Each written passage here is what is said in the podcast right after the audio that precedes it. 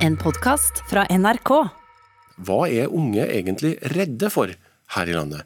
Forfatter Anne Gunn Halvorsen har spurt både unge og fagfolk. Spørsmål og svar er blitt til boka Ikke vær redd, en overlevelsesguide for unge. Det nærmer seg skolestart, og frykten for at man har gjort feil valg, kan bli enda større. Jeg er redd for å velge feil studie. Og så er jeg også redd for at når jeg har kommet inn på det studiet som jeg har tenkt skal være greit, og sånn, at det ender opp med å ikke bli sånn som jeg tenkte det skulle bli, og at jeg er nødt til å bytte, og at det blir mye sånn tull med det. Forfatteren Angunn Halvorsen har spurt unge over hele landet om hva de er redde for. Det har blitt til boka Ikke vær redd, en overlevelsesguide for unge. Men hvorfor ville hun skrive denne boka? Fordi jeg har lyst til at de skal være mindre redde. Og så heter jo boka 'Ikke vær redd', og det har man jo som voksen ofte lyst til å si til ungdommer og barn. Ikke vær redd, det går bra. Men jeg tror det funker dårlig å si det. Så jeg tenkte at hvis jeg fant ut hva de er redd for, så kunne vi kanskje liksom bli mindre redd av å dykke inn i hva det er andre er redd for òg, og hvorfor det er sånn. Etter å ha snakka med unge over hele landet, oppdaga forfatteren at folk forbløffende ofte var bekymra for de samme tinga. Det sitter veldig mange unge rundt omkring og tenker at de er redde for noe bare de er redde for, men så er de redde for det samme. Bare det gjør jo at det kanskje blir mindre skummelt, for da kan man jo vite at det ikke er unormalt eller idiotisk da, å ha de tankene. Men hva var de bekymra for? At de ikke skulle klare å velge. Tenk hvis de skulle bli noe annet enn det de trodde de ville bli. Kanskje de allerede hadde valgt feil. Det var mye sånn tenk om hvis at jeg har gjort noe nå som kan forpurre mine sjanser for et fantastisk liv. Det er ikke bare studievalg som bekymrer de unge. Så er det vel eh, økonomi, komme seg inn på boligmarkedet. Hva er du redd for? Stort sett klimaendringer, egentlig. Reportere Emily Louise Millan Eide og da også Marianne Rustad Karlsen. Vi skal snakke med psykolog Hedvig Montgomery, som har arbeidet mye med unge. Og du har også bidratt som ekspert i denne boka som nylig kom ut. Hvorfor tror du unge er redde for ting, da? La oss begynne der. Altså for å si det sånn, Vi er alle redde for ting. Det å være redd er på mange måter menneskets default-innstilling. Og så tar det tid å bli roet ned. Så vi blir fort redde, uavhengig av alder. Det tar tid å roe ned, uavhengig av alder. Det som er annerledes med ungdom, er at de har ikke lært seg strategier for å roe ned ennå. De har ikke lært seg å håndtere denne uroen som vi alle sammen har, og de trenger oss voksne for å komme dit. Er dagens unge mer redde enn forrige generasjoner, da de var unge? Altså igjen, Dette er biologi, og bekymringen er nok ganske konstant. Men jeg tenker at generasjonen nå er redd for andre ting enn det man var tidligere. Så jeg tror den, den ubekymrede barndom er nok definitivt en myte. Det å være redd og det å lære seg å håndtere sin egen frykt er en del av det å være menneske. Nå mangler det jo ikke på ting til å prosjisere for norsk ungdom heller. da. Vi har sosiale medier, og vi har en helt ny uh, hverdag. Det er snakk om karakterpress, om prestasjonspress. Uh, er det, det er på en måte ikke mer redsel og bekymring av den grunn? Altså du kan si at disse, disse helt sånn rammene som vi lager for ungdom, det er klart det gjør noe med dem. Det at de blir bedt om å planlegge sitt eget liv så mye mer og mye tidligere, før de egentlig er modne for det, det er klart det påvirker. Så jeg tror helt klart at det er noen ting vi ber ungdom ut ut fra de beste intensjoner, nemlig at vi vil at det skal gå bra med dem som gjør at, eh, at, det blir tyngre for dem enn det som er nødvendig. Vi legger et press på dem før de er klare for å ta det, og før vi har lært dem hvordan de skal ta det. Eh, Montgomery, Vi hører i innslaget om denne boka at mange er redd for å gjøre feil valg, enten studie eller karriere. Eh, disse valgsituasjonene, hvorfor tror du de skremmer de unge? Altså, det virker jo så endelig. Eh, det virker jo som det er siste gangen du skal ta et valg når du velger, velger videregående skole eller når du, når du, velger fritidsaktiviteter.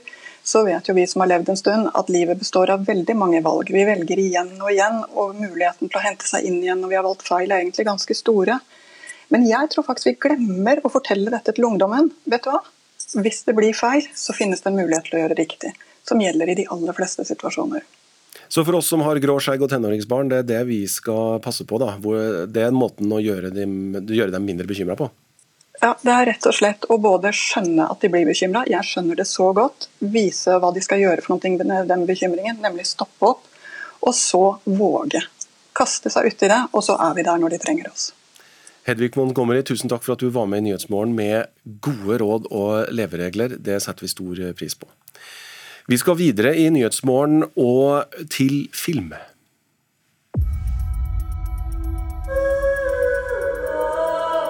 It was a name that sounded so sweet. I've been a Gucci all my life. Your name is in the history books. Paolo, you are Gucci. You need to dress the part. Ja, Det var lyd fra traileren, eller reklamen, for en av høstens storfilmer, 'House of Gucci'. Allerede nå har spekulasjonene startet om hvilke filmer som ligger an til å bli nominert til Oscar, reporter Anita Kristiansen. Ja, nettstedet IndieWire, som eh, følger filmbransjen tett, de har eh, begynt spekulasjonene. Og eh, dette er jo også listen over store filmer vi kan glede oss til i høst. Og IndieWire kaller filmhøsten en fest, rett og slett. Og Selv om det er litt for tidlig om morgenen til popkorn, så tenker jeg nå bare å lene meg tilbake og la deg fortelle hva slags filmer vi skal glede oss til. Ja, pga. korona så ble jo de beste filmene utsatt, men eh, nå kommer de. Eh, og i begynnelsen av oktober så kommer James Bond-filmen No Time To Die med Daniel Craig endelig ut. Det er den siste James Bond-filmen han spiller i. Og IndieWire mener altså at dette kan bli en Oscar-kandidat. Og en eh, annen er science fiction-filmen Dune med Timothy Chalamet og Zendaya i hovedrollene. Og eh, regi her har eh, Dennis Villeneuve, og den kommer senere i oktober. Og Billettkøen begynner da litt før, kan vi jo skyte inn. Det har vært mange musikkfilmer, det har vært en sjanger som har vokst de siste åra. Hva skjer der i høst? Jo, den eh, legendariske regissøren Steven Spielberg han lager jo en oppdatert versjon av den gamle musikalsuksessen West Side Story. Og han kan bli en Oscar-kandidat for den. Eh, også helt til slutt, en eh, mye omtalt film som eh, mange har begynt å glede seg til.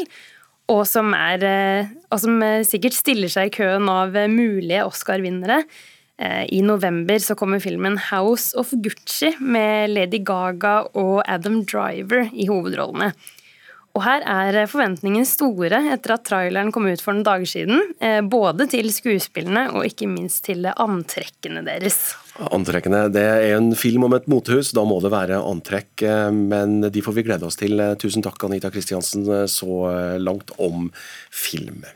Vi skal fra film til spill. Og kropp kroppen er kanskje ikke helt klar for action etter en eh, slags, eh, sånn, en slags koronatilværelse innenfor fire stadig trangere vegger. Kanskje har du hatt en lat sommer i tillegg, og kanskje rett og slett har du vært opptatt med å sitte stille og høre på eller se på sommer-OL. Terskelen for å trene seg i form igjen er høy for mange, men dataspill kan hjelpe, Rune Fjell Olsen, NRKs spillanmelder. Ja, det er helt riktig. Og det er jo fordi det er uh, mange spill da, som på en måte kamuflerer eh, trim som lek. Eh, hvis du tar et spill som Just Dance f.eks. Det handler jo da i utgangspunktet om eh, veldig uhøytidelig læring av danser i populære musikkvideoer. Men da er man jo samtidig i bevegelse, ikke sant. Eh, og Under koronatiden så, så, var jo skolene stengt, og da brukte vi faktisk Just Dance som kroppsøvning her hjemme hos oss. Og Dette er også et spill med veldig lav inngangsterskel. Det kan være morsomt for alle hjemmegym rett og slett med musikk og dans. Det høres veldig energisk eh, ut eh, å begynne å late som man er en musikkvideo. da. Eh, Fins det noe som er litt mjukere i kanten? Ja, altså det er jo massevis av spill som egentlig handler mest om å bare gå tur. Da har du jo et spill som Pokémon Go, men også geocaching. Det er jo en gammel traver, dette her. Og det spillet handler jo egentlig bare da om å gå tur. Men du får da et mål for turen, og det øker motivasjonen. Uh, ja, det er jo da massevis av sånne små bokser rundt omkring eh, over hele verden, uh, og målet er jo å finne dem. Altså, Ha med blyant, det er mitt råd når det gjelder geocaching, for det får du bruk for. Men uh, de, som vil, de, som vil, ha en mer tradisjonell treningsøkt, da, det, hva, hva finnes for dem?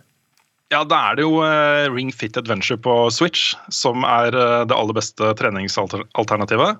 Uh, og Det er jo et stort faktisk spill. Det har plattformhopping, slåssing, bosser, skjulte hemmeligheter osv. osv.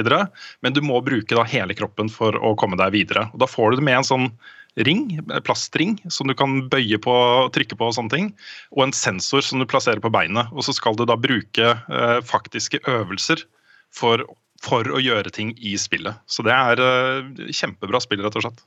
Eh, du trenger jo litt plass, da. Altså Geocaching foregår jo ute, og det gjør Pokémon GO også, men eh, du trenger jo litt plass hvis du skal drive med dette hjemme, disse andre spillene?